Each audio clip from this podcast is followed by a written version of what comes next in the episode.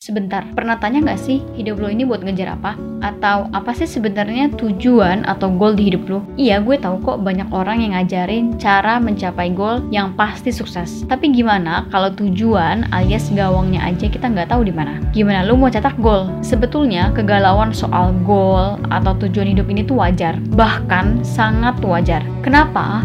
Karena goal atau tujuan hidup itu sebenarnya dibentuk bukan ditemukan dan pembentukannya itu nggak sebentar butuh proses yang panjang dari tadinya lu tuh cuma tertarik sekedar tertarik terus lu berusaha kerja keras buat belajar atau lu action buat mendalami itu jadilah semangat jadilah tujuan dan goal Nah, seringnya orang-orang itu baru tertarik, kenal daratannya, susah sedikit, terus ditinggalin, bilangnya sih nggak cocok. Nanti dapat yang menarik lagi, bakal kayak gitu lagi. Hasilnya, minat dan apa sih yang mau dikejar itu terus berubah. Baiknya sih lo kasih waktu dan usaha buat ketertarikan lo yang tadinya minim itu buat berkembang.